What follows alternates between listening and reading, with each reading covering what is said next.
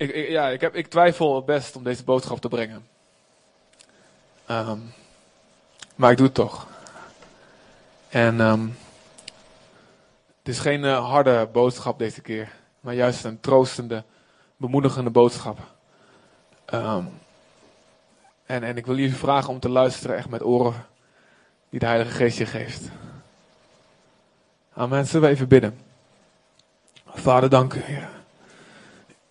U geeft leven en adem aan alles. En u heeft gekozen voor de dwaasheid van de prediking. Om uw kracht te laten zien. Om de wereld te veranderen. Om ons hart te veranderen. In Jezus' naam verklaar ik en geloof ik. Heer, u zal vandaag vele mensen uit gevangenissen bevrijden. En vele kettingen breken. Door confrontatie met uw waarheid, Heer. Lieve Jezus, dank u wel. Amen. Amen. 2 Samuel 15, vers 3. Alsjeblieft. Lieve jongens en meisjes.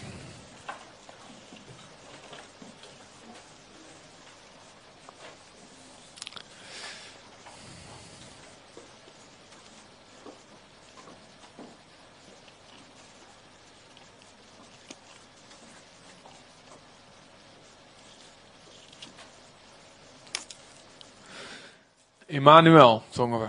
God is met ons. We zongen, God is de adem die we inademen, die we uitademen. En we zijn verloren zonder u. U bent de adem die we ademen. Uw woord, wat u spreekt, dat is mijn dagelijks brood. Niet brood, niet eten heb ik nodig om te overleven, maar het zijn uw woorden, heren, die mij in leven houden. Dit spreken we uit. En dit geloven wij. In 2 Samuel 15, vers 3. David is koning. David is koning, maar heeft gezondigd. Hij heeft uh, de, zijn buurvrouw, uh, zich toegeëigend toen hij haar zag douchen op het dak. Niet zo handig om te doen als vrouw. Misschien, misschien een tip om mee te geven. Dames, douche niet op het dak. Als man. Ja, er staat, niet in de staat niks van in de Bijbel, sorry hoor. Uh... maar goed, om geen aanstoot te geven aan de vrouw. Man, douche ook niet op het dak. Ga hooguit in een badkuip zitten of zo. Hij douchte op het dak. Zij douchte op het dak. David eigende zich haar toe. Liet haar man vermoorden aan het front. Stuurde hem vooraan in het front. Zegt, ga jij maar op de eerste rij zitten de, de pionnen die als eerste omge, neergesabeld worden. En vermoorde hem zo. Indirect. Om daarna, uh, ja, om te ver, verhullen dat hij het was, de koning het was, die haar zwanger had gemaakt. Hij verzwijgt dit voor minstens, uh, ja, waarschijnlijk voor ongeveer een jaar. Want het kind was al geboren toen Nathan kwam en hem bestrafte. En hij schrijft er ook een psalm over en zegt, zolang ik zweeg en mijn zonde niet beleed, mijn botten in, in mijn binnenste, die, die, die verteerden als het ware. Van binnen ging het kapot. Dit is de situatie voor als er zonden in ons leven zijn, die we voor ons houden, die we niet beleiden. God blijft op onze deur kloppen. Van binnen worden we opgevreten. Maar wie ze, wie ze beleidt, staat er, die vindt genade in de ogen van God. Dus hij werd daarna bestraft door de profeet Nathan. Hij zegt, um, en, en daarna komt David echt tot berouw, tot bekering. Hij schrijft Psalm 51 aan de hand daarvan.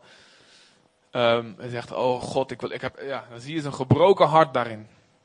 En, en dat moet je in die situatie, moet je dat eens thuis lezen. Psalm 51. En God zegt, oké, ik vergeef je. Maar er zijn wel gevolgen voor je zonde en die zul je moeten dragen. Gevolg 1 is de zoon die geboren is, die zal sterven. David vast en bidt, maar de zoon sterft zoals God gezegd heeft. Het mooie daarvan is, God geeft hem daarna een nieuwe zoon bij Bathsheba. Salomo. Dat de koning werd. En David noemt hem Jedidja. Hij die geliefd is door de Heer. En dan zie je, er zijn gevolgen voor onze zonde. Aan de andere kant stelt God ons op staat, in wel in staat om opnieuw wel vrucht te dragen die blijft. Dat is heel bijzonder. Um, heel mooi van de Heer. Dat is het teken van, er zijn gevolgen voor dingen die we doen in ons leven. En die moeten we dragen. Maar aan de andere kant geeft God ons ook een nieuwe kans. En zelfs datgene wat verkeerd gegaan is. Batseba had hij nooit tot vrouw eigenlijk mogen hebben. Dat, dat gebruikt God zelfs als we een goed hart hebben en ons hart naar hem keren. Gebruikt hij dat om een grotere koning als het ware te laten voortkomen dan hij zelf was bijna. Ongeveer. Een ander gevolg van zijn zonde, die door, de profeet al werd voorzegd, is dat er zal vanaf nu strijd in je huis zijn. En het is zo als wij eh, zondigen, ehm, ten eerste hebben we een probleem met God. Nou, komen we daarna tot berouw en tot bekering, dan vergeeft God ons de zonde. Waarom? De straf voor de zonde is gedragen door Jezus aan het kruis. Het bloed wat, wat wij hadden moeten geven, bloed, ons bloed wat had moeten vloeien door de fouten die we maken, dat Jezus bloed is in onze plaats gevloeid en vergoten. En dat is een geweldig, ja, ongelooflijk iets. Waar we het elke, en daarom hebben we het elke week hier, daarover. Omdat het zo geweldig is. Maar wat, Nathan wel, wat, er wel gebeurt is dat er, komt ruimte voor Satan om te werken. Er komt een open deur voor de duisternis. En zolang die zonde niet beleden is, blijft die deur open. En, en uh, daarom is de zaak om zo snel mogelijk die deur dicht te doen. Nou, gevolg van die open deur in het leven van David was dat er dus uh, strijd kwam in zijn gezin, in zijn familie. En uh, wat er gebeurde is, de één broer die wordt verliefd op zijn halfzus, dus een zoon van David, wordt verliefd op een dochter van David. Een halfbroer, een halfzus. hij verkra verkracht haar. En een andere broer, die wordt zo boos op die broer die zijn zus verkracht heeft, dat hij hem uiteindelijk doodslaat. En uh, naam van die broer die dat gedaan heeft is Absalom. En Absalom vlucht uiteindelijk het land uit. En uh, wordt door bemiddeling wordt hij weer teruggebracht in het land. En mag je weer wonen in, het land, uh, in de stad bij Jeruzalem. Maar Absalom heeft zo'n bitterheid in zijn hart tegen zijn vader. Is zo boos op zijn vader. Dat hij vastbesloten is om zijn vader van de troon te stoten. En daardoor wordt hij een verrader. Het loopt slecht met hem af uiteindelijk. Um, wat heel tragisch is. Maar wat wel een beeld is voor mensen die uiteindelijk niet kunnen vergeven. Ook al is het terecht dat ze boos zijn. Als je uiteindelijk vasthoudt aan boosheid en bitterheid, zal, het, uh, zal, het, zal je uiteindelijk geestelijk sterven. En hier in 2 Samuel 15 zie je dat Absalom begint met zijn samenzwering tegen David. Hij begint met zijn plan om David van de troon te stoten. En dan staat er in vers 1: Hierna schafte Absalom zich een wagen en paarden aan, benevens 50 mannen die voor hem uit moesten lopen. En geregeld ging Absalom morgens vroeg aan de kant van de weg naar de poort staan. Dan riep Absalom ieder toe die een rechtsgeding had, die een rechtszaak had, en tot de koning wilde gaan om recht. En vroeg: Uit welke stad ben je? Als hij dan antwoordde, uw knecht komt uit deze of die stam van Israël. En zei Absalom, zie, jouw zaken, jouw zaak is goed. En je zaak is recht. Maar van de kant van de koning is er niemand die naar je luistert. Ook zei Absalom daarna, stelde men mij maar als rechter in het land aan. Dan zou ieder die een geding of een rechtszaak heeft tot mij komen en ik zou hem recht verschaffen. En staat er in vers 6, zo stal Absalom het hart van de mannen van Israël.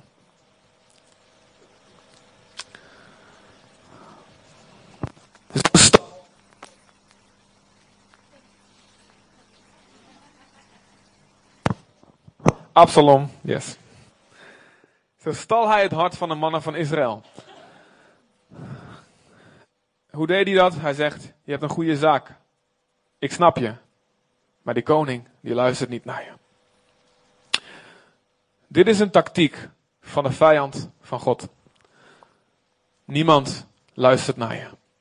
Niemand begrijpt je. Wat de duivel wil doen, wat Satan wil doen, is hij wil jou isoleren. En we hebben het hier een paar keer over gehad. Bart Doornwit kwam met het woord van de olifant.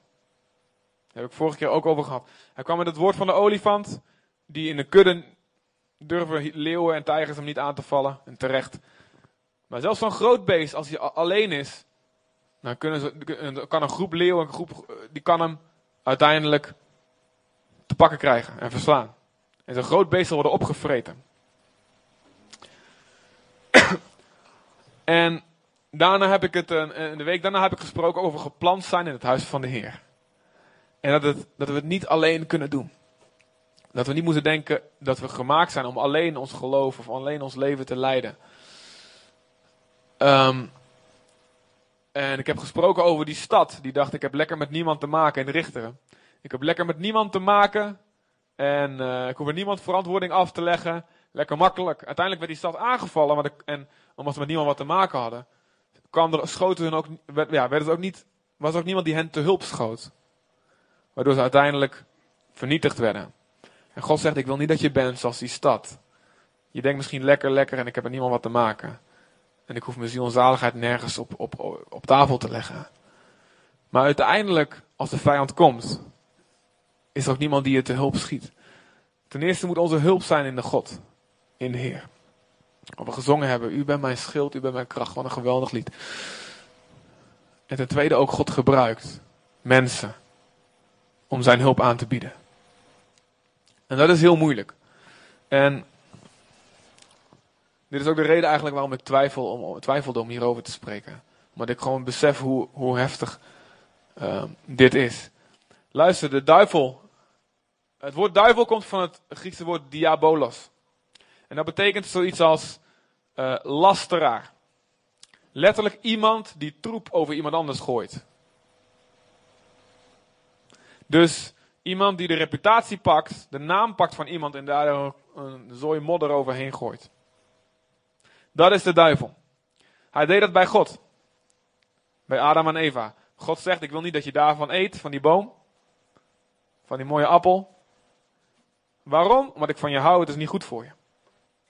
De duivel zegt, ja, hij wil niet dat je eet, omdat hij een egoïst is.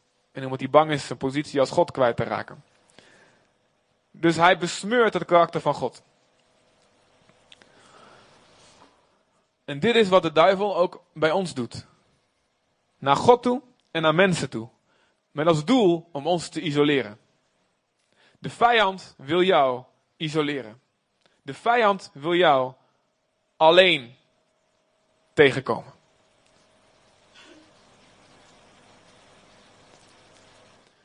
Niemand begrijpt je. Niemand luistert naar je. Je staat er alleen voor. En hij gebruikt menselijke zwakheid om die boodschap over te brengen. Vroeger um, waren families groter. Um, hoorde je altijd bij een, bij een dorp, bij een zuil of bij een, een club mensen. Dat was duidelijk. En uh, we keken laatste keer zo'n programma, een documentaire over. volgens mij was het ergens in. Uh, waren het Papua's of Afrikanen of ergens een stam, uh, ja, heel traditionele, een stam die nog heel traditioneel leefde. Volgens mij is dat in Afrika. En um, ja, je ziet natuurlijk, ze, ze, hebben niet veel en ze weten niet van veel dingen die spelen in de, in de, in de wereld. Ze missen geen iPod, want daar hebben ze nooit van gehoord. Um, maar ze zijn, um, en ik, vast, ze zullen vast niet allemaal 100% gelukkig zijn, maar wat er wel is, er is duidelijkheid en je weet waar je bij hoort. Nou, de studies laten uh, voortdurend zien dat de eenzaamheid uh, enorm gestegen is.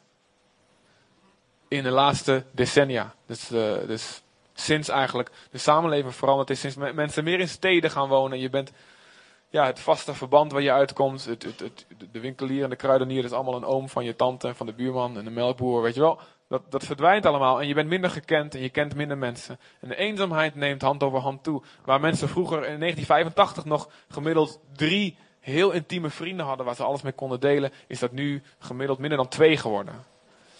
Um, en die studies eh, laten voorzichtig ook zien dat er verbanden zijn tussen eenzaamheid en kanker, uh, beroertes, hartproblemen, slaapproblemen en alle gevolgen die dat dan weer um, met zich meebrengt. Het is, goed, het is niet goed voor een mens om alleen te zijn, zegt God. Gesproken over een huwelijksrelatie, maar gesproken over menselijke relaties. Gesproken over de relatie tussen ons en God. God heeft ons gemaakt als sociale dieren om samen te zijn.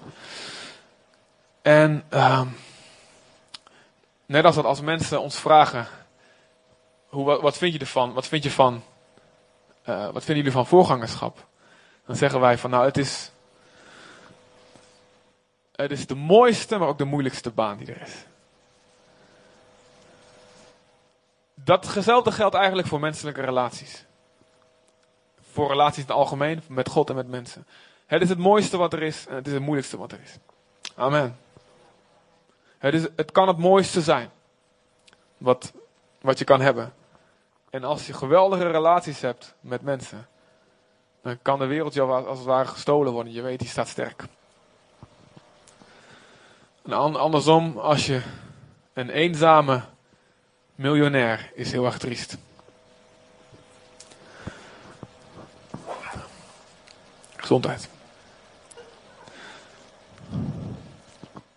In Deuteronomium 25 staat iets over de Amalekieten. Lees het even met mij.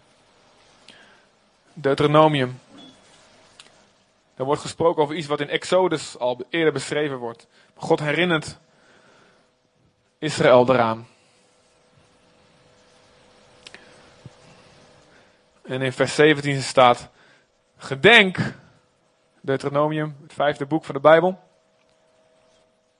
25, vers 17. Gedenk wat Amalek jullie aangedaan heeft op jullie tocht toen jullie uit Egypte getrokken waren. Toen jullie uitgehongerd en uitgeput waren, hebben ze gewetenloos en zonder enig ontzag voor God de achterhoede overvallen, afgesneden, staat er in de oude vertaling, waar de zwakste zich bevonden. En dit is ook een tactiek van Satan.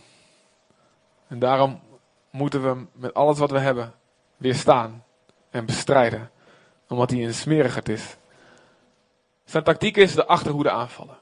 En zij die niet, misschien niet het tempo kunnen bijhouden. Zij die wat geïsoleerd zijn. Zij die afgesneden worden van de groep. Die worden door Amalek, beeld ook weer van de duivel, aangevallen. Het hart van Satan is het zwakke en het kwetsbare afmaken. Het hart, het hart van Satan is het zwakke en het kwetsbare afmaken. Dit zie je bij Mozes en bij Jezus. Wanneer de kinderen, kleine babytjes, massaal vermoord worden.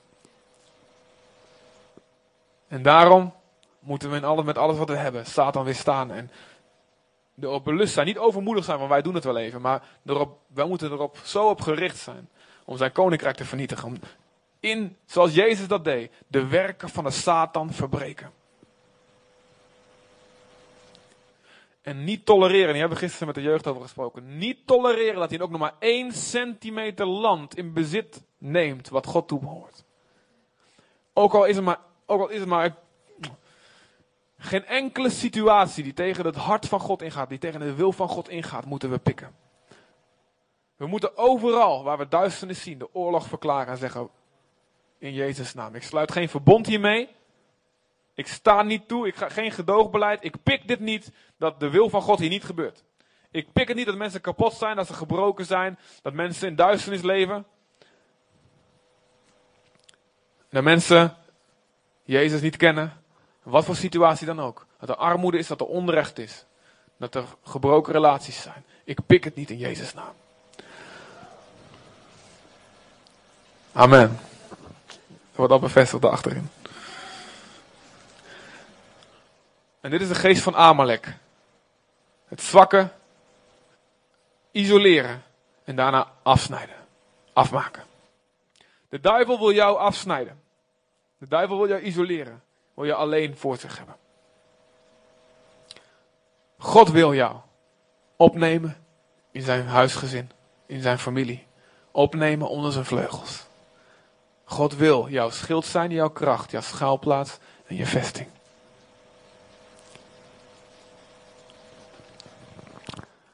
Hij wil je afsnijden van God en afsnijden van mensen. Nou, eerst over dat afsnijden van God.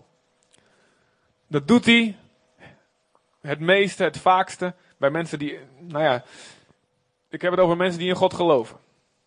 Hij wil mensen ook afsnijden door van God te zeggen, hij, God bestaat helemaal niet. Nou, dan ben je meteen van hem afgesneden, want je daar. Waarom zou je je hechten aan iemand waarvan je denkt, die bestaat niet? Dus dat is de eerste leugen die veel mensen geloven dat er geen God is. Terwijl diep van binnen de getuigenis in ons hart, hart is van Kijk om je heen. Kijk naar hoe geweldig alles in elkaar zit. Dit kan niet zomaar door een ontploffing ontstaan zijn. Maar omdat we niet, omdat we het heel moeilijk vinden om geconfronteerd te worden met van, ja maar ik moet misschien wel heel wat veranderen als ik toegeef dat God bestaat. Daarom zoeken we vaak naar een reden om niet in Hem te geloven. Maar God is hier en zegt: Je hoeft niet bang te zijn voor wat er gebeurt als je toegeeft dat ik besta. Het is goed nieuws dat ik besta. Je leven is niet zinloos. Je bent hier niet zonder doel. Je bent niet een chemische reactie uit een, uit een oersoep waardoor het lot in is geprutteld. En waar via een bacterie, via een aap, via een kikker, een hagedis en Neandertaler jij uit ontstaan bent. En het maakt niet uit of jij nu neergeknuppeld wordt of niet, want er haait, haait geen kraan naar. Uh, kraait geen haan naar. God zegt, dit is goed nieuws dat ik besta, want dat betekent dat jouw leven betekenis heeft. Dat betekent dat er iemand is die onvoorwaardelijk van je houdt en die alles zal doen om jou voor zich te winnen. Dat betekent dat je kostbaar bent in de ogen van iemand, ook al vergeet de hele wereld jou. Jij bent kostbaar in mijn ogen en dat is waarom je waarde hebt. En dat is waarom elk menselijk leven heilig is, geboren of ongeboren. Gehandicapt of niet gehandicapt. Ik besta en dat is goed nieuws voor jou.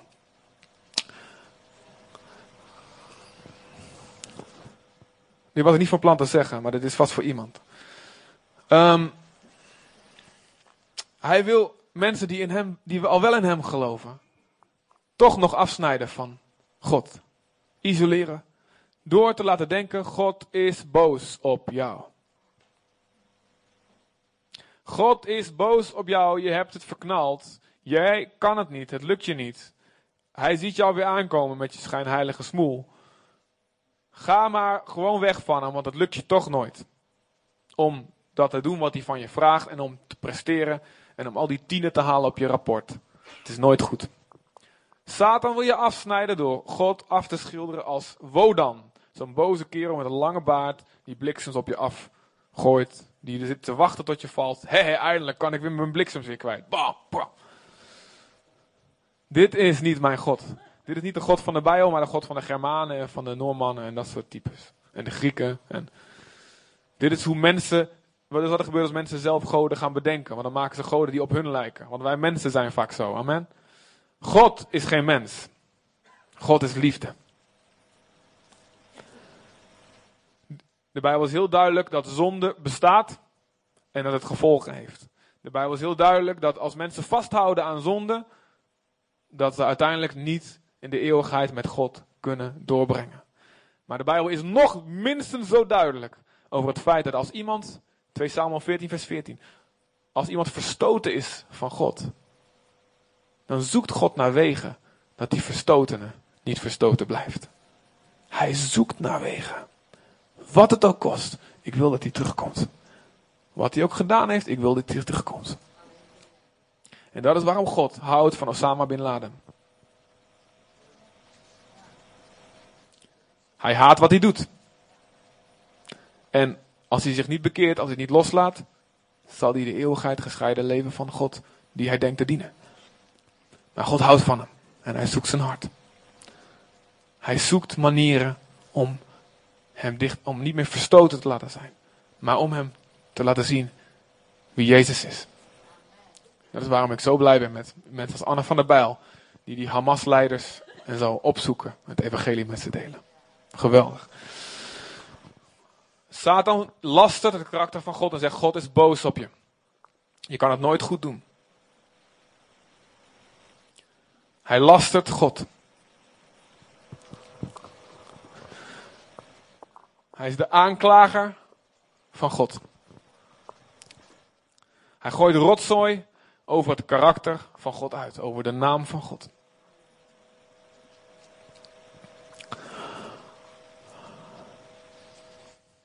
God is voor je en niet tegen je. Is dit te simpel? God is voor je en niet tegen je. Zeg tegen jezelf, God is voor mij en niet tegen mij. God is voor mij en niet tegen mij. Amen. God is voor je en niet tegen je. Oké? Ja, er staat in de Bijbel, God weerstaat de hoogmoedigen. En de nederige geeft hij genade. Als je hoogmoedig en trots bent en denkt, ik kan het allemaal zelf wel, dan werkt God je tegen. Niet omdat hij tegen je is, maar omdat hij je wil laten zien, uh, uh, uh, dat werkt niet. Zonder mij werkt het niet. En ik ga jou een beetje frustreren. Zodat je gaat zien, je hebt mij nodig. En er kunnen veel mensen, kan ik hier laten opstaan en getuigen van hoe God ze succesvol tegengewerkt heeft. Amen. Met als gevolg dat ze nu hier zitten en nederig zijn geworden. Dat wil God. God is voor je en niet tegen je. God houdt van je. God is goed. Dit kan niet vaak genoeg gezegd worden. God is goed. Kom zingt aan je. God is goed. Niet slecht. Niet gemeen. Niet boos. God kan boos zijn. Absoluut. Maar als jij, er staat in de, eh, oké. 2 Kronieken 15 vers 2. De Heer is met je, zolang je met hem bent. Wauw. Die is revolutionair, of niet? De Heer is met jou, zolang jij met hem bent. Als jij hem zoekt, zal hij dus zich door je laten vinden. Maar als je hem verlaat, zal hij jou verlaten. Dus zolang jij het wil dat hij met je is, is hij met je. En ik heb het niet over jezelf voor de gek houden. Weet je wel? Vroom sausje, maar eigenlijk van binnen God niet zoeken. Dat is een groot gevaar. Maar als jij oprecht bent en je zegt, ik wil dat God met me is, dan zegt God, dan ben ik met jou.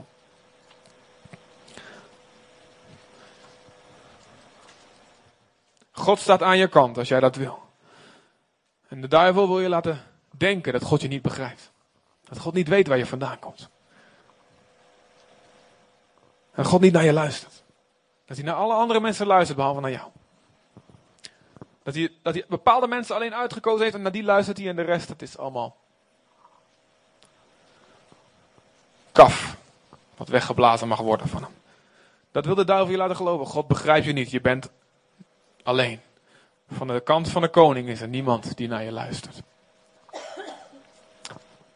Stel mij maar als rechter aan, zegt, zegt de duivel. Luister maar naar mijn zogenaamde waarheid. Dan zal het zogenaamd goed gaan met je. God luistert niet naar je. Ik ben hier om je iets heel simpels te zeggen. God luistert naar jou. God begrijpt jou.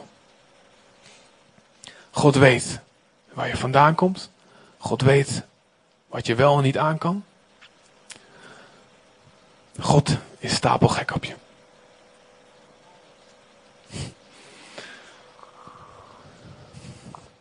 God zag jouw vormeloos begin. Psalm 139. Psalm 56. Jouw omzwervingen staan in zijn boek geschreven. Wauw. Jouw levensweg, jouw levenswandel staat in zijn boek geschreven. Elke stap. Elke teleurstelling. Elke pijn. Jouw eigen fouten. Andermans fouten naar jou toe. Het staat in zijn boek geschreven. Dezelfde psalm staat, jouw tranen bewaart hij in een kruik. Eén voor één. En hij weet precies waarom ze zijn gevloeid. Er staat, hij verstaat, hij begrijpt je gedachten al van verre. Hij kent je pijn. En hij weet waarom. En hij staat te popelen om voor je te vechten. Psalm 27. Al vergeten je vader en moeder je. De Heer zal je nooit vergeten.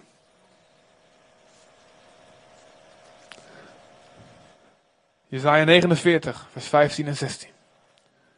Kan een vrouw haar zuigeling vergeten? Of kan ze harteloos zijn tegen het kind dat zij droeg? En zeggen we allemaal nee, dat kan niet. Moederliefde is heel sterk. En toch zijn heel extreme gevallen. Waar een vrouw haar zuigeling wel vergeten is. En God zegt, zelfs al zou zij haar babytje vergeten. Ik vergeet jou nooit. En ik heb jou in mijn handpalmen gegrift.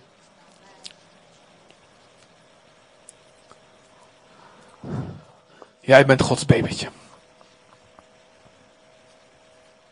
Jij bent Gods zuigeling. En God is je nooit vergeten. Ook al stap je nu voor het eerst in je leven een kerk binnen.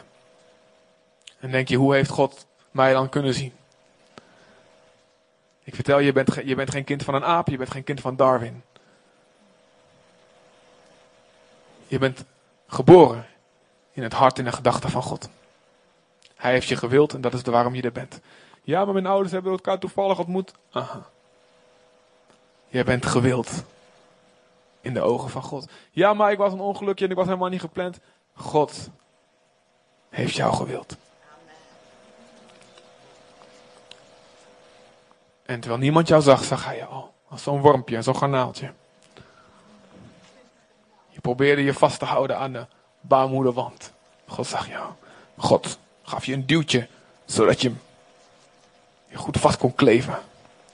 Amen. God gaf, weet je, God gaf jou een extra motortje.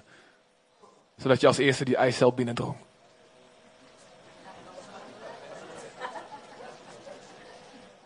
We gingen laatst. Ja.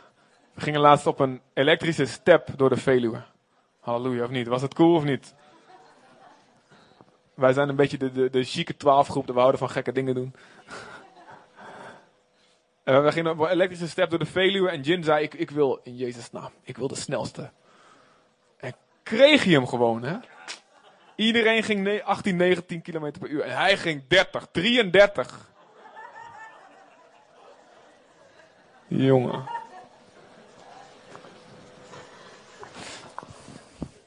Ik scheuren dat idee, grapjas. God geeft jou een extra, heeft jou een extra motortje gegeven. Omdat hij wilde dat jij het was. En niet je concurrenten. Die daar als eerste zouden komen. Als je een tweeling bent, oké. Bijzondere situatie. Oh nee, één eier, één, nee, dat werkt ook weer. Ach, ik ben geen bioloog. Hoe dat werkt, weet ik niet. God heeft je gewild. En hij begrijpt je. Hij luistert naar je. En hij weet al wat je wil. En wat je nodig hebt voordat je erom vraagt. We hoeven niet te schreeuwen, zodat God ons verstaat. We hoeven niet eerst naar Jeruzalem of naar Rome of naar Mekka of naar waar dan ook te reizen, zodat God ons daar speciaal hoort. Alles wat je denkt en wilt en nodig hebt, is God bekend. Hij is voor je en niet tegen je. En ik ben hier om de leugen te verbreken dat God je niet hoort en dat God je niet begrijpt. En dat God niet staat te branden om voor jou te vechten. En om jouw gebeden te verhoren. En om je alles te geven wat je nodig hebt.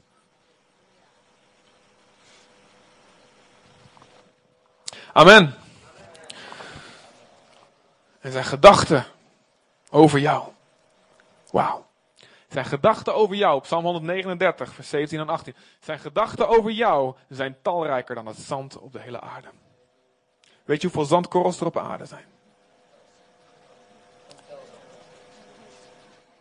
God weet hoeveel er zijn. Waarschijnlijk 43 tripiziljard, of hoe heet dat? Biljard of snoeker. Ontelbaar zijn zijn gedachten over jou.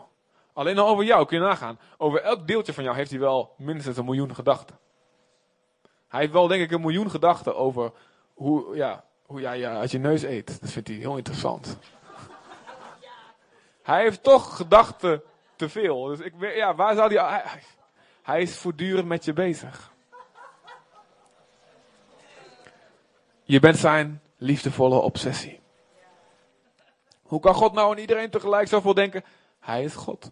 Hij heeft geen beperkingen van tijd en van ruimte, nog van hersencapaciteit. Want zijn intelligentie dat heeft niks te maken met zijn hersenpan, want hij is geest. En toch is hij nog echter en nog concreter dan welk mens je ook gezien hebt. En uiteindelijk staat de hemel en aarde zal opgerold worden als een boekrol. En dan blijft de echte realiteit over. Dat is God. God is geest. Hij is eeuwig. En hij heeft onbeperkte gedachten over je. En hij wil dat je ze allemaal kent. Wauw. Want er staat, hij wil zijn hart met je delen. Hij wil vertrouwelijk met je omgaan.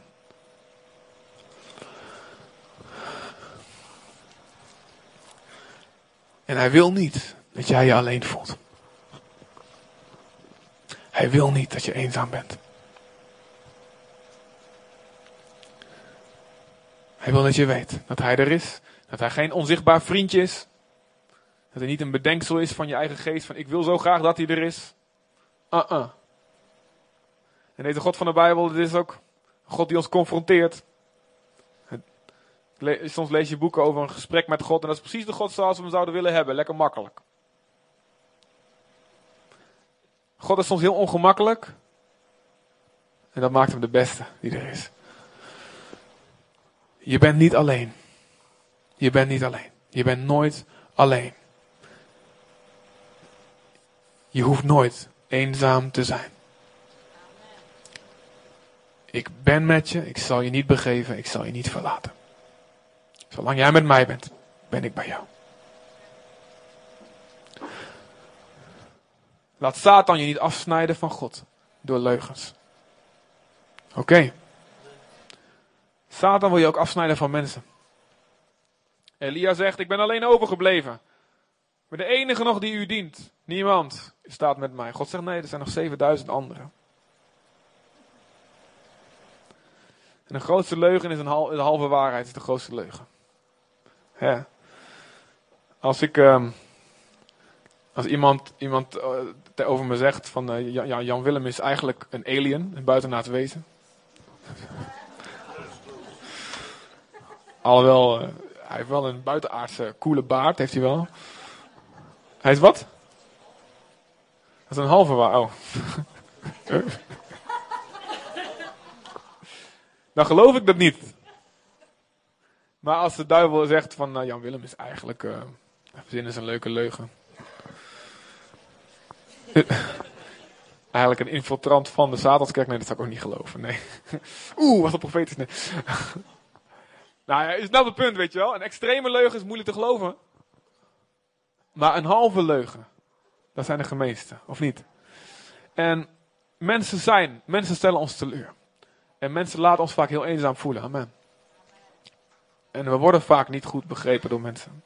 En er zijn niet veel mensen die echt kunnen luisteren. Er is een grote nood aan. En toch wil God niet dat we ons af laten snijden van mensen. Toch wil God dat we blijven hopen, blijven geloven, blijven verdragen. De liefde, alles hoopt zij, alles verdraagt zij. Alles gelooft zij. En alles volhardt zij. Het is waar dat er veel zelfzuchtige mensen zijn. En slechte mensen zijn. Er zijn echt slechte mensen. En God wil niet dat je naïef bent. De onverstandige gelooft elk woord. Jezus vertrouwde zichzelf niet aan iedereen toe, want hij wist wat in een mens was. Hij kende hen allemaal, hij had niet nodig dat iemand getuigenis gaf. Dus hij vertrouwde zichzelf niet aan iedereen toe. Paulus zegt, bidden we bewaard blijven we. Voor, voor mensen die verwarring willen brengen en mensen die slecht zijn. Want trouw vindt men niet bij allen. Niet iedereen is trouw. Paulus zegt, op een gegeven moment schrijft in Timotheus, ze hebben me allemaal in de steek gelaten, allemaal medewerkers. Ik ben alleen overgebleven. Hij zegt, ik heb niemand Epaphroditus. Ik heb niemand zoals, zoals, zoals hem die zo trouw is. Want de rest allemaal zoeken zijn eigen belang en niet het belang van Jezus. Het is waar dat er slechte mensen zijn. Maar het is ook waar dat er veel mensen zijn met goede bedoelingen. Maar die net als jij tot net, net zoals jij goede bedoelingen hebt. Maar die net zoals jij fouten maken. Mensen die wel willen, maar mensen die falen. Mensen die druk zijn. Mensen die zorgen aan hun hoofd hebben. Mensen met andere ervaringen. Mensen met andere temperament. Mensen met andere persoonlijkheid. Mensen met een ander geslacht. Mensen met een andere levensseizoen. Mensen met een andere hoe hun lichaam reageert op dingen.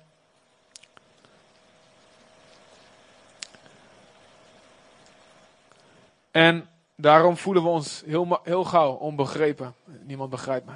Niemand luistert naar me. En ik kan in een hele grote groep zitten en toch me alleen voelen.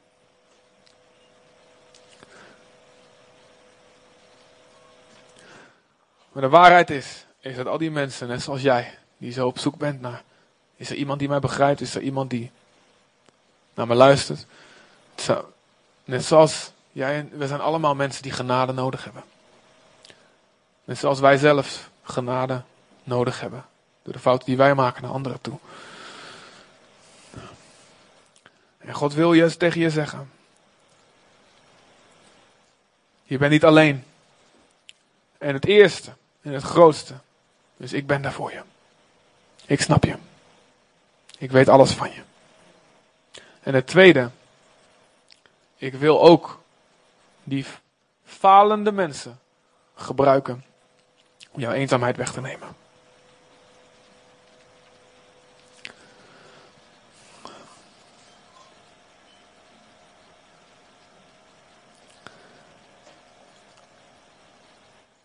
Je bent niet alleen. En ik. Wie durft dat te zeggen? Ik ben niet alleen. Dat is moeilijk voor sommigen. Dat snap ik, dat snapt God. Nou, God snapt het veel beter dan ik, waarschijnlijk. Maar het is zo.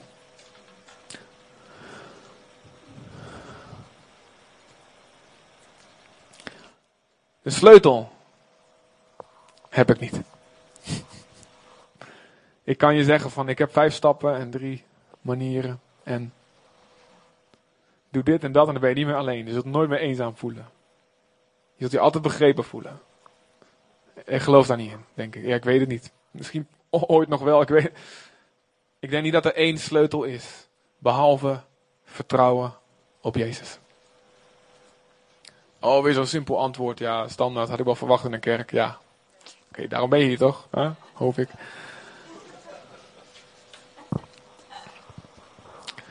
Maar ik gewoon wat dingen die in mijn gedachten komen. Het begint met geloven. God staat in Filippenzen 4 vers 19. En daarom staat we moeten strijden met het woord van God. Het woord van God is een zwaard. Niet alleen voor predikers, maar voor elke gelovige. Waarmee we elke leugen van de duivel kunnen afketsen. Filippenzen 4 vers 19 staat Mijn God zal uit de overvloed van zijn majesteit elk tekort van jou aanvullen. Elk tekort. Als jij voelt, ik ben alleen en ik ben niet begrepen. En ik ben eenzaam en wie luistert er echt naar me? God zal elk tekort van je aanvullen. En ja, uiteindelijk in de hemel zal hij alle tranen van ons afwissen. Maar niet alleen in de hemel. Het koninkrijk van God. Het wil nu doorbreken. Er zijn baren zweeën, het wil nu doorbreken. God wil nu laten zien hoe de hemel eruit uitziet, hoe zijn hart eruit ziet. Het verschil is in de hemel zal het geen strijd meer zijn. Hier is het een strijd. Hier is het knokken. Het geweldenaars grijpen naar het koninkrijk moet baan breken. Er moet nog iets gebroken worden. En God wil je nu je tekorten ook aanvullen. God wil je eenzaamheid doorbreken. God wil je uit je isolement halen.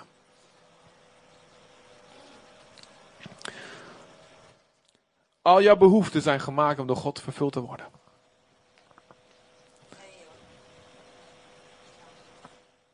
Al jouw behoeften zijn gemaakt om door God vervuld te worden. God heeft een mens gemaakt met behoeftes dat heeft hij heel bewust gedaan. En hij gebruikt daar verschillende manieren voor. Maar uiteindelijk is hij het. Die dat wil vervullen. En ook je behoefte aan begrepen worden. En aan niet alleen zijn. Dat heeft hij gemaakt in ons. En dat gat wil hij vullen. Al mijn bronnen zijn er nu. Psalm 187.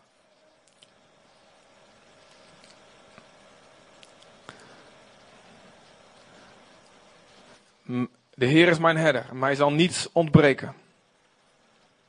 God onthoudt geen enkel goed ding aan hen wie eerlijk zijn wegen gaan.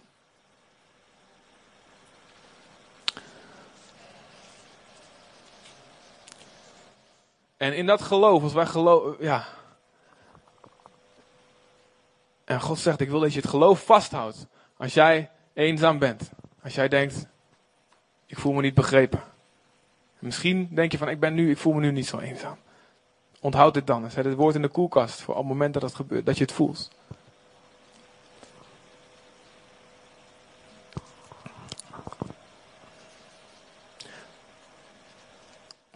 Kom bij Hem. Breng het bij Hem. En geloof dat Hij dit zal vervullen. En zet, er, zet dan de knop om. Van een slachtoffer naar iemand die samen met Jezus kan regeren in het leven. Een slachtoffer focust op zijn eigen gebrek en dat kan heel reëel zijn en heel terecht zijn. Maar God zegt, ik wil niet dat je verleden je toekomst blijft bepalen.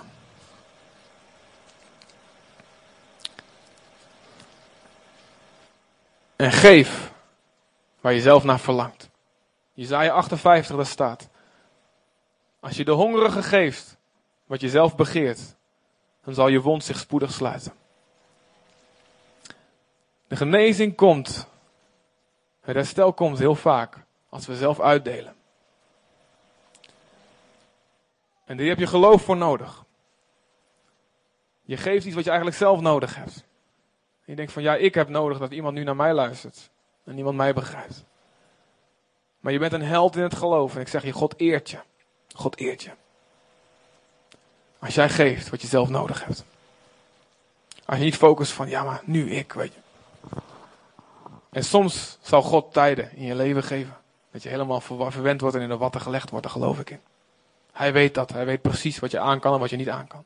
En hij zal nooit je een tijd geven van eenzaamheid of van onbegrepen voelen die boven je macht liggen om te dragen. Maar focus op geven. In het geloof, God vult mij aan. Wees als die rivier die maar stroomt en stroomt. In het geloof dat water komt aan de achterkant weer in. Het vraagt geloof en je moet een held in geloof zijn. Maar de rechtvaardige zal door geloof leven. Uiteindelijk wil God dat je vrucht draagt voor hem. Er staat dat de rechtvaardige bedoeld is om als een boom te zijn, in wie schaduw heel veel. In wie schaduw vogelen nestelen. En mensen beschutting kunnen vinden. Veel mensen beschutting kunnen vinden. Dus luister zelf naar mensen. Ga uitdelen wat je zelf niet hebt. Zoals die weduwe, die nog maar een paar druppeltjes olie had. Maar de profeet zei, giet maar uit. En het bleef stromen, het bleef stromen, het bleef stromen. En uiteindelijk, het hele huis gevuld met overvloed. Deel uit wat je denkt wat je zelf niet hebt, want God vult jou aan. Boven natuurlijk. Dus luister naar mensen.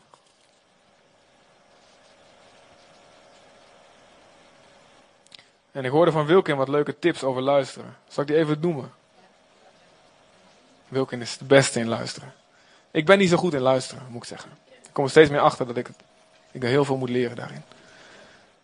Maar ik wil het. Er staat een leraar zal zo harder geoordeeld worden dan de rest. Dus daarom zeg ik het er even bij als voorbehoud. zeg jongens, ik ben hier nog niet. Daarom zeg ik ook eens van, van Wilkin. Hij zegt, een gesprek is... Een gesprek, wat is een gesprek, zegt hij. Het is niet twee mensen die praten. Twee mensen die luisteren. Dat is een heel groot verschil. En spreuken 18 vers 2. Een dwaas is niet geïnteresseerd in inzicht. Hij wil alleen zijn eigen mening kwijt. Wie kent zo'n dwaas? Wie zit er naast zo'n dwaas? Nee, teken maar je hand niet op. Luister naar anderen zoals je zelf gehoord wil worden. Get over yourself.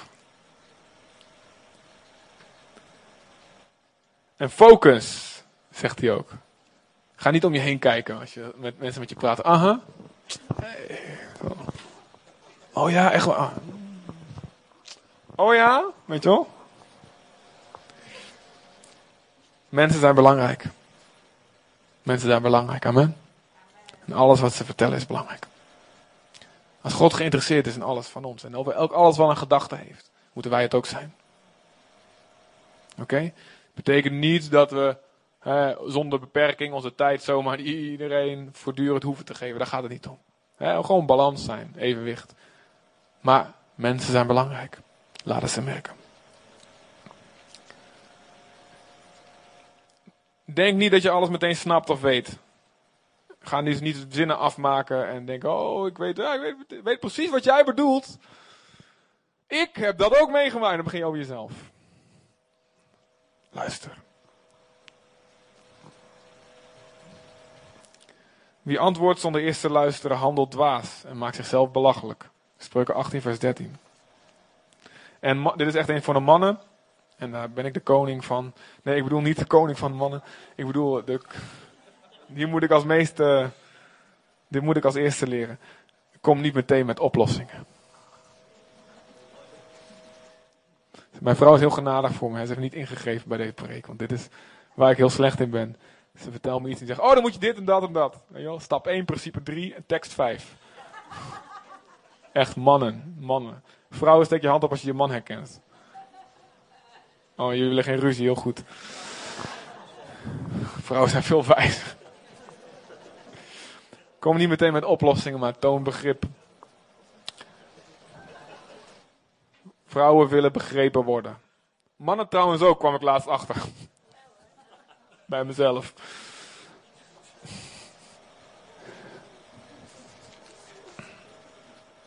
En, en ja, er zijn mensen met slechte bedoelingen, er zijn slechte mensen.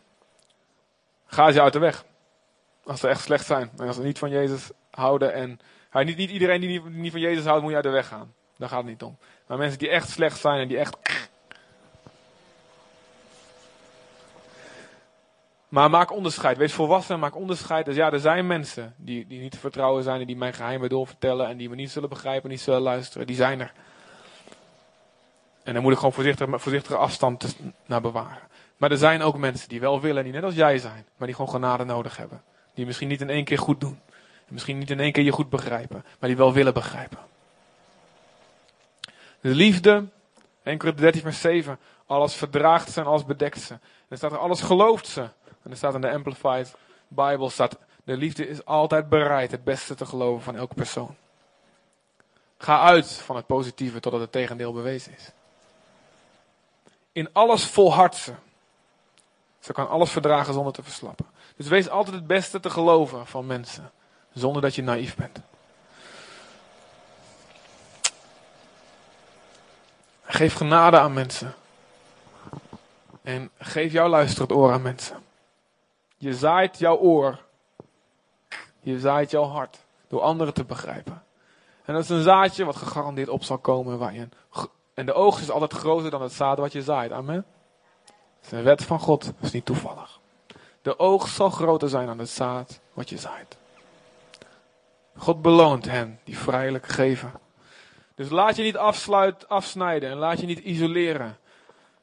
Ik weet dat ik misschien heel veel dingen misschien veel te kort aanraken en eigenlijk dingen veel dieper gezegd moeten worden hierover. En ja, ik weet dat ik nog maar half begonnen ben met de eerste stap van zelf leren veel beter mensen te begrijpen. Maar ik voel dat God hierover spreekt en ik wil hem niet ongehoorzaam zijn. Ik wil dat jullie geloof hebben. Dat God wil dat je niet alleen bent. En dat God wil dat je niet denkt, niemand begrijpt me. En dat je daardoor je afkeert. Of van God, of van mensen. Satan wil je isoleren. En God wil je adopteren.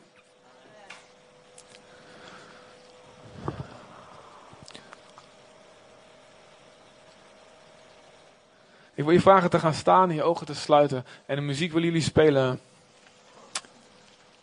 Alvast Vader God, ik vraag me af hoe ik ooit heb geleefd. Zonder te weten dat uw vaderhart al zo lang om mij geeft. Maar nu ben ik uw kind en ik zal nooit meer eenzaam zijn. Want vader, u bent altijd bij mij. Ik wil je vragen je ogen te sluiten.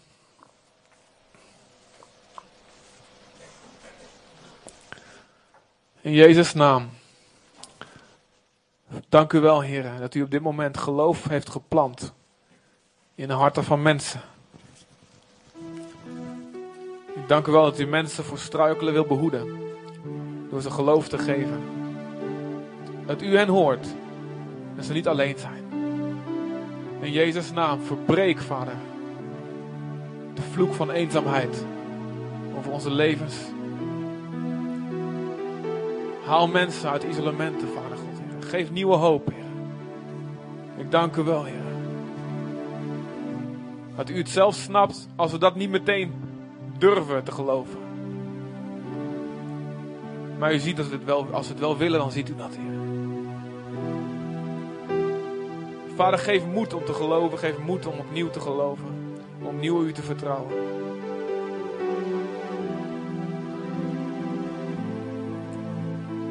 U onze grote God, Heer.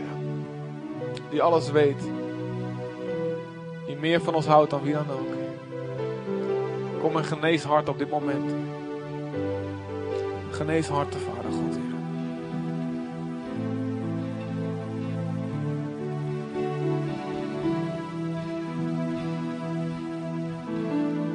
Vader God, ik vraag mij af hoe ik ooit heb geleefd zonder te weten dat uw vader hart al zo lang om mij geeft. Maar nu ben ik uw kind, nu, nu mag ik wonen in uw huisgezin. En ik zal nooit meer eenzaam zijn. Amen. Vader, u bent altijd bij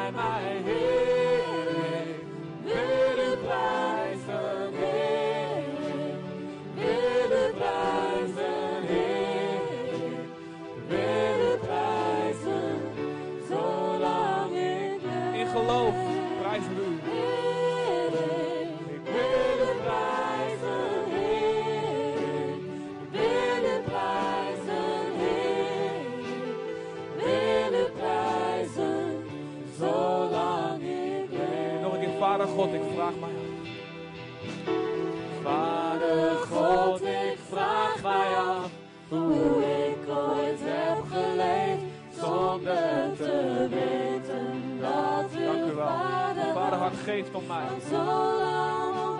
Uw vaderhart geeft om mij. Maar nu ben ik uw kind, nu mag ik wonen in uw huisgezin. En ik zal nooit meer eenzaam zijn. Want vader, Jezus, we willen u prijzen,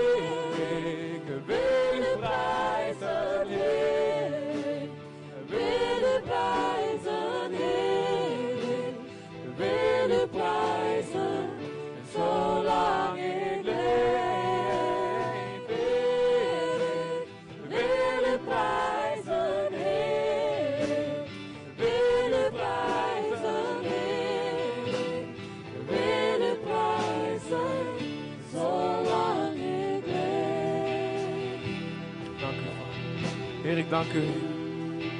Dank u wel, voor uw vaderhart. Dank u wel voor uw vaderhart. U bent een echte vader. En wij mogen opgroeien, eerst een zoon worden. Dames inclusief een zoon worden. En daarna zelfs een vader worden zoals u een vader bent. Dank u. In Jezus' naam. Laat een seizoen van genezing beginnen. In de harten van iedereen die lijdt onder eenzaamheid. Die zich geïsoleerd voelt. Die zich alleen voelt, ook al ben je onder mensen. Laat een seizoen van genezing en herstel, een nieuwe hoop, een nieuw geloof uitbreken over je leven in de naam van Jezus. Laat de vloek van het isolement over je leven verbroken worden, de eenzaamheid verbroken worden. God zal je eruit trekken. Al zit, zit ik in het duister, de Heer zal mij tot licht zijn. In Jezus' naam, Vader. Dank u. Dank u, Vader. En geef ons een zalving, Vader, van echte verbondenheid, van echte gemeenschap van de Heiligen. Geef ons ogen om te bemoedigen, om te vertroosten, om gevoelig te zijn. In Jezus' naam. En laat dit een plek zijn, een oase, een rustplek, waar genezing zal zijn onder de vleugelen van de Allerhoogste. In Jezus' naam. Dank u wel. En wij geloven, wij stellen onze hoop op uw belofte van zaaien en oogsten. Dank u wel. We zaaien vriendschap daar waar we vriendschap missen. We zaaien begrip daar waar we begrip missen. We zaaien luisterend oren daar waar we dat zelf missen. En ook al zegt de duivel tegen ons, je bent gek dat je dat doet. Je moet opgeven, je moet stoppen ermee. Het slaat nergens op. We blijven volharden in ons geloof in u. We doen alsof we gek zijn. En we geloven alleen Jezus en zijn woord. Dank u, Heer. Dank u, Vader. Amen. Als jij hier bent en je zegt ik wil ook niet meer eenzaam zijn.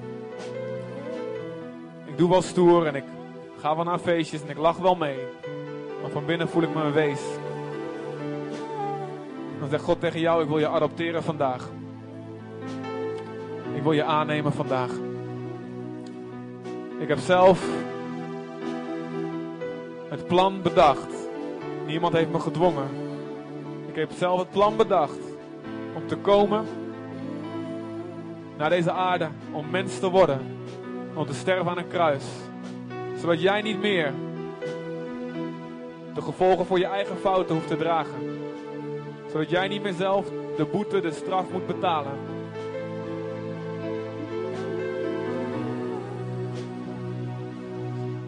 Zodat jij zelf dat niet meer hoeft te betalen.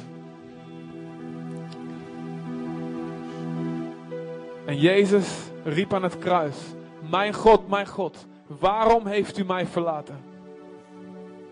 Omdat hij verlaten werd door de Vader. Hij was eenzaam, hij stierf eenzaam en naakt aan het kruis. Zijn vrienden, met wie hij drie jaar opgetrokken hadden, waren allemaal weggevlucht. Sommigen hadden hem verraden. En zelfs God moest hem verlaten. Wegens jouw zonde en mijn zonde die op hem werd gelegd. God moest zijn gezicht van hem afkeren en hij was totaal alleen. En hij droeg die eenzaamheid, zodat wij nooit meer eenzaam hoeven te zijn. God verliet hem. En daarom verlaat God ons nou niet meer. Verlaat hij, God niemand meer die bij hem wil blijven.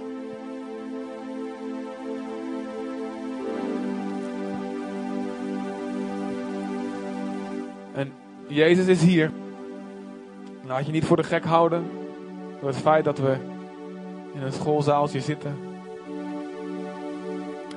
Of er allemaal dingen zijn die je misschien afleiden. Maar voor sommigen van jullie is het het belangrijkste moment in je leven. Dat je moet gaan kiezen. Je mag gaan kiezen voor Jezus. En als jij zegt, ik wil mijn geloof stellen. Niet meer op mezelf. Want ik merk dat het niet veel goeds uitricht. En als jij zegt, ik wil vrede met God hebben.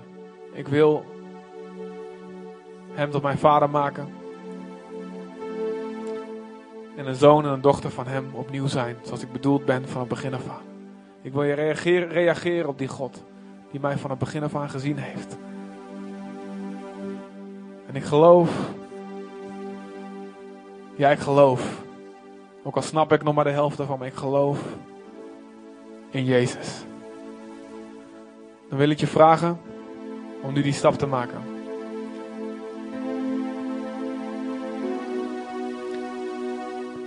En ik wil je vragen dan gewoon even naar mij te zwaaien. Gewoon waar je staat, als je dat wil doen.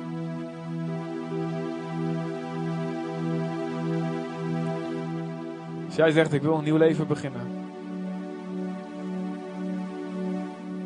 Zwaai maar even deze kant op. Dat ik je zie.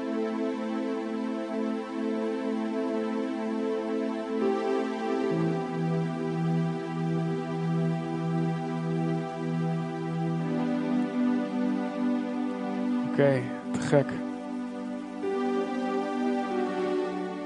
Zijn er nog meer die dat zeggen?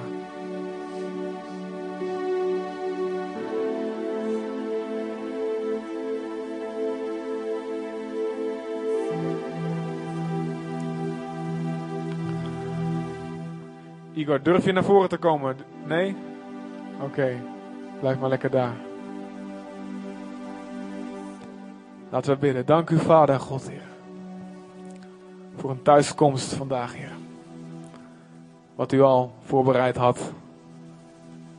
Gisteren ook al en vorige week. En heel veel jaren hiervoor. Ik dank u wel voor een thuiskomst, Vader. Dank u wel voor iemand die nooit meer eenzaam zal zijn. Want u bent altijd bij hem. Dank u wel, Vader.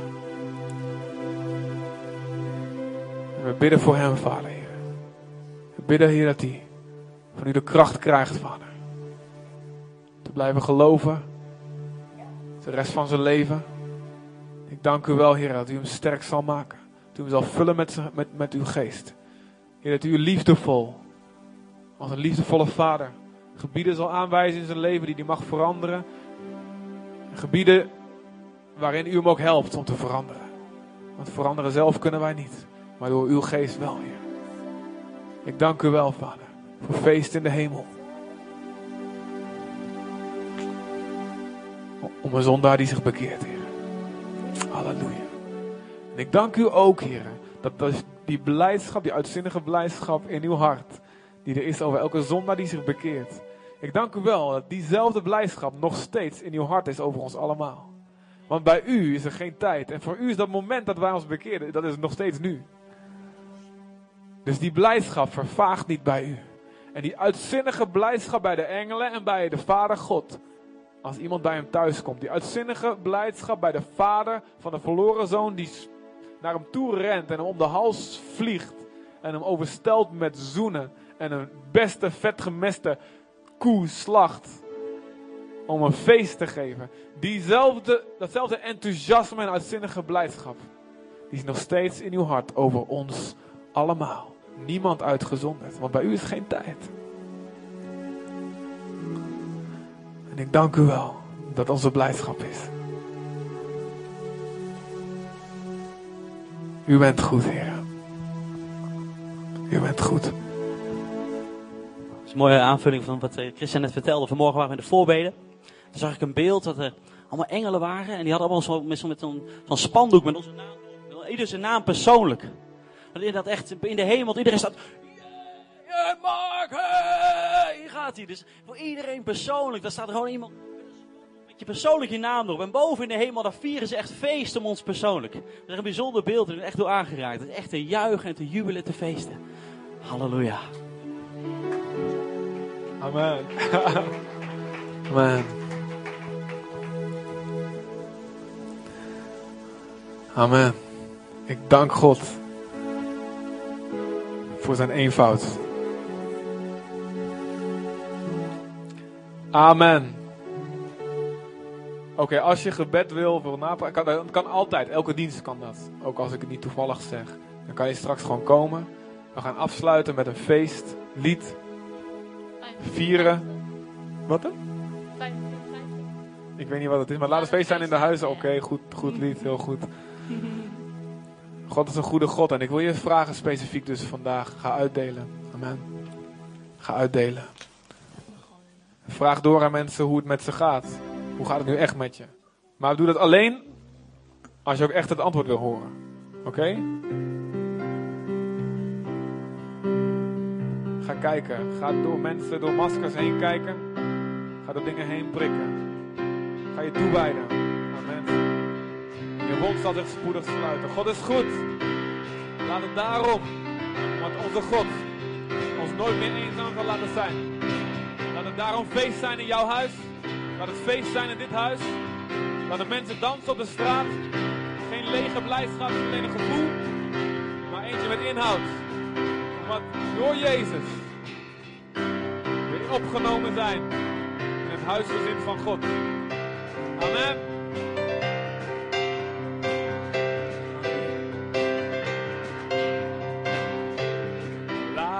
Laat het feest zijn in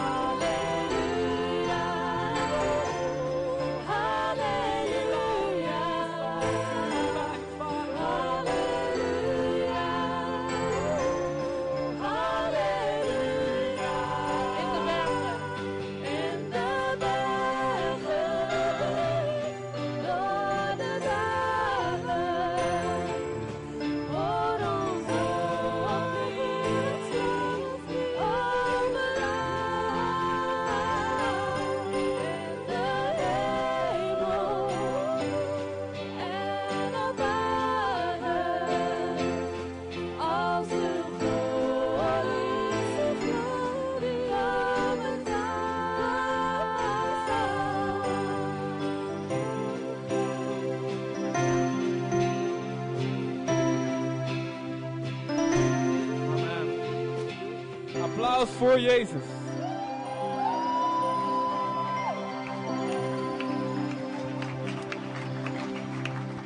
Amen. Oké, God zegen. Er is koffie, er is gebed voor wie wil. Ehm, van de week zijn er weer de twaalf groepen. Uh, bidstond op donderdag. En volgende week is het weer zondag.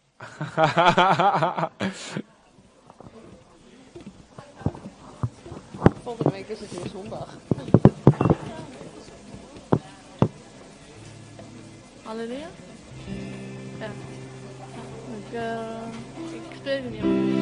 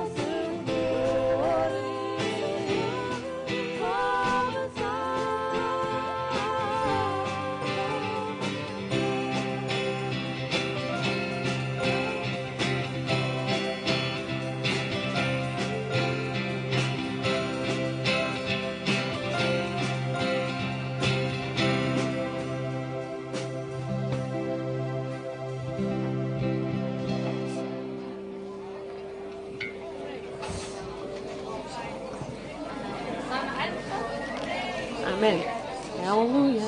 Halleluja.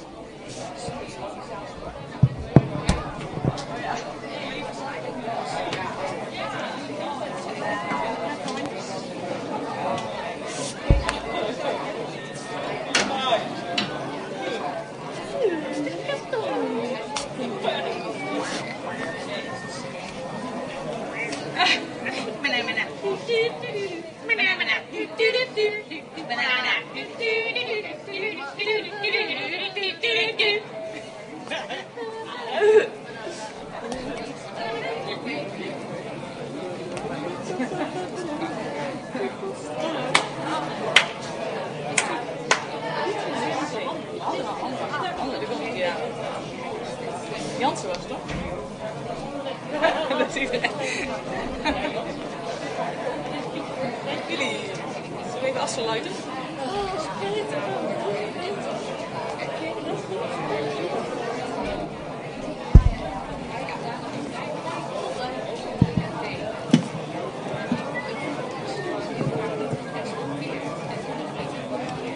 Cor, kan die uit?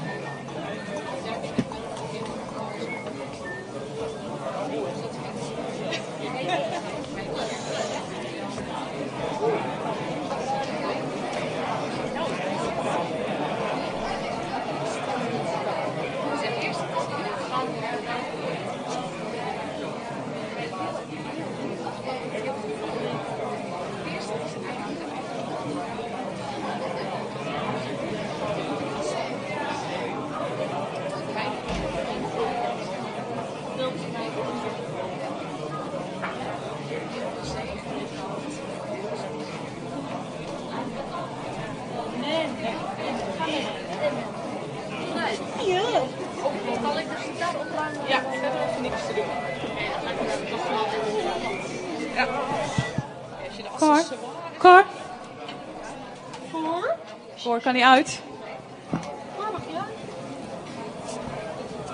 Ja, als jij de, als de, ja, Cor, mag hij afslaat, uit? even opruimen, dan... eh, Hij is nog aan.